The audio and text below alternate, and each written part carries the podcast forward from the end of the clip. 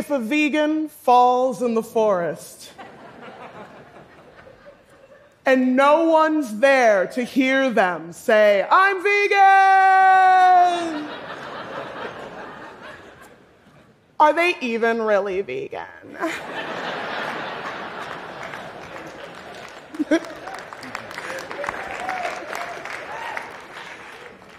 I like to preface conversations about my dietary habits with jokes. Because brains love the ha-has. And because sometimes you say the word vegan and uh, people get a little afraid. they, their mind immediately conjures this non-existent super vegan who's an amalgam of every annoying thing they've ever heard a vegan say. And at that point, they're checked out. Now, if you've managed to somehow avoid the zeitgeist for the last 15 or 20 years, one, tell me how.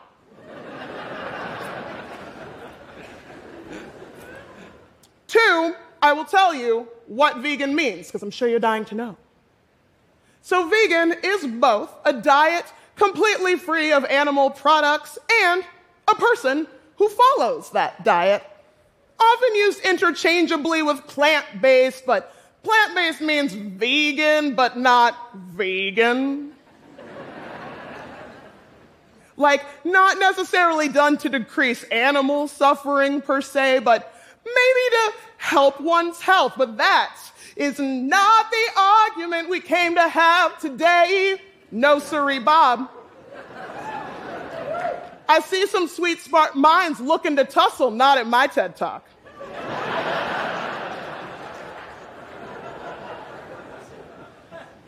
now, I am an outdoor educator.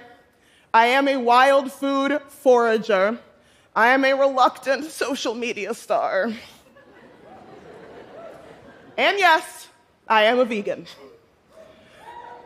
Thank you. That's not the reaction I usually get.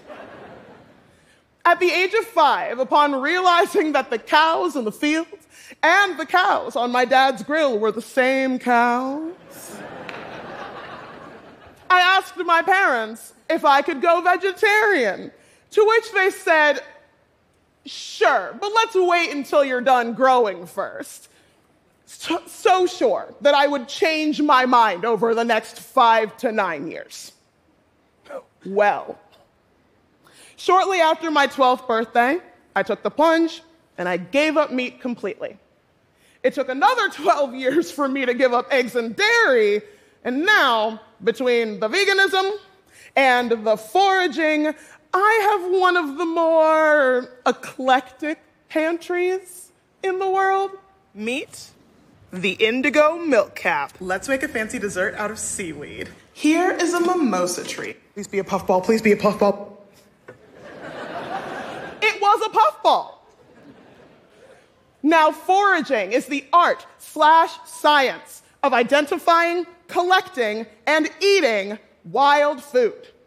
So if anyone's ever convinced you to try dandelions or wood sorrel, Congratulations, you're a forager too. When my mom told me that there was a bunch of free food hanging out in lawns and sidewalks, my mind was blown. All of these free fruits, veggies, and fungi that didn't require your water, didn't require your time, and often were healthier than their counterparts in the grocery store. Cute little fun fact just between us. We did this thing over the last hundred years where we bred foods to travel easier, be bigger, taste milder. And that often breeds out the nutrition. Let's take, for example, purslane, or verdolagas, if you're in a Spanish speaking part of the Americas. It is a weed that grows out of sidewalk cracks in the summertime. It is chock full of omega 3s, and it ain't a fish. Iron, get out of here, Popeye. And vitamin C, your immune system will thank you. Sometimes I will just stand in my neighborhood looking at the ground like, and I'm baffled that no one else seems to care. Now, I am a forager and a vegan for much the same reason my love of this planet and its inhabitants. But let me tell you, between those two identifiers, it's pretty hard to get people to try my food. you tell someone something's vegan and you're already met with skepticism. Tell them it's vegan and you pulled half of it out of the ground. It's a tough sell. So today, I'm going to give all of you my tips, my tricks on getting people to expand their palate and try wild vegan foods consensually. this is not the lying liar show. It is the slightly annoying but ultimately lovable tall vegan show. So today, we are going to be making a snack that happens to be vegan, happens to be great for the planet, happens to use one of my favorite ingredients. We are making sweet and salty kelp chips, a Korean snack known as Dasima Twigak. Oh, thank you. A woo for the pronunciation. I was worried about it. now, I know all of y'all's kids are obsessed with those nori seaweed snacks. So why not kick it up a notch? Sorry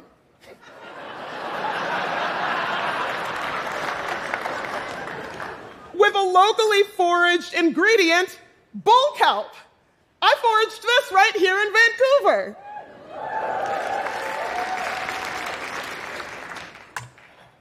Now, I'm going to go and start chipifying this seaweed. Very official kitchen shears. And while I'm doing that, I'm going to give you my first tip. When introducing a dish to skeptical mouths, it is best to use a dish that is not pretending to be something else. You know. that way they have no prior associations, no memories to be comparing it to of their mother's version of it.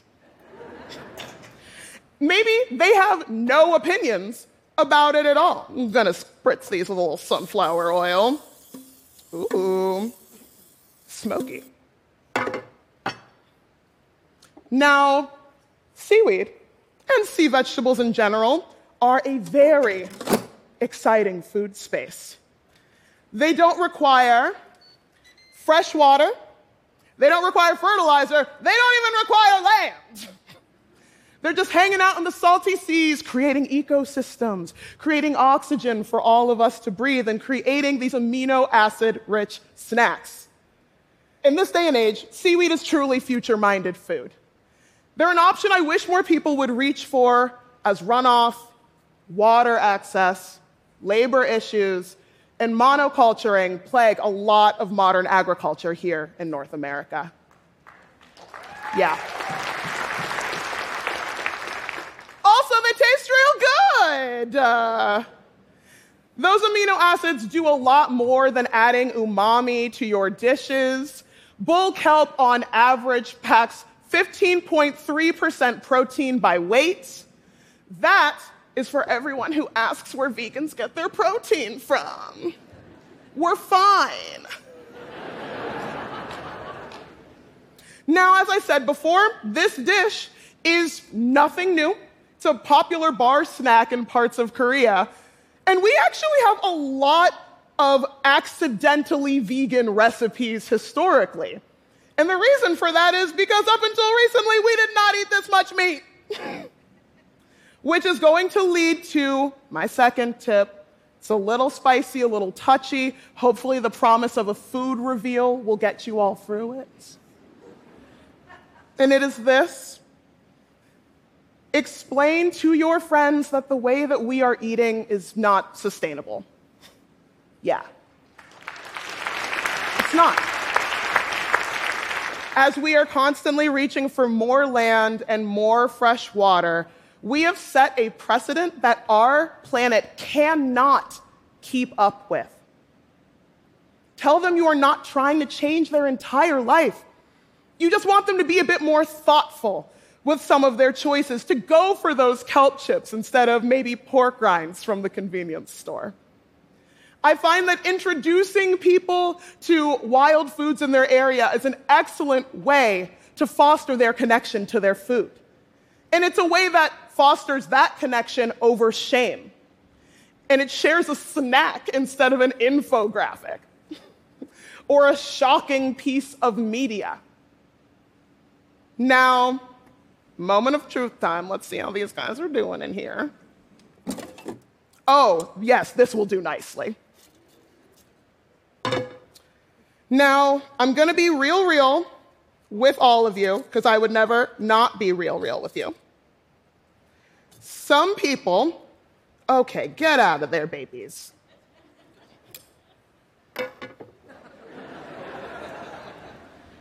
Some people are going to be salty. And that's a funny thing for me to say because this is salt. and that's just that's just the way it goes. We don't get to choose the pace at which people change, if they choose to change at all. But some people, this is sugar, will be sweet. They will appreciate you for meeting them where they are, for sharing a snack and a smile, and maybe you extending that bit of compassion to them will make them make some big changes moving forward in their life. And who knows, maybe next time they'll be gutsy enough to try acorn cheese or something. So share that snack and make that memory. Thank you all so much for coming to my talk. Ooh, that was a nice crunch. Happy snacking. Don't die.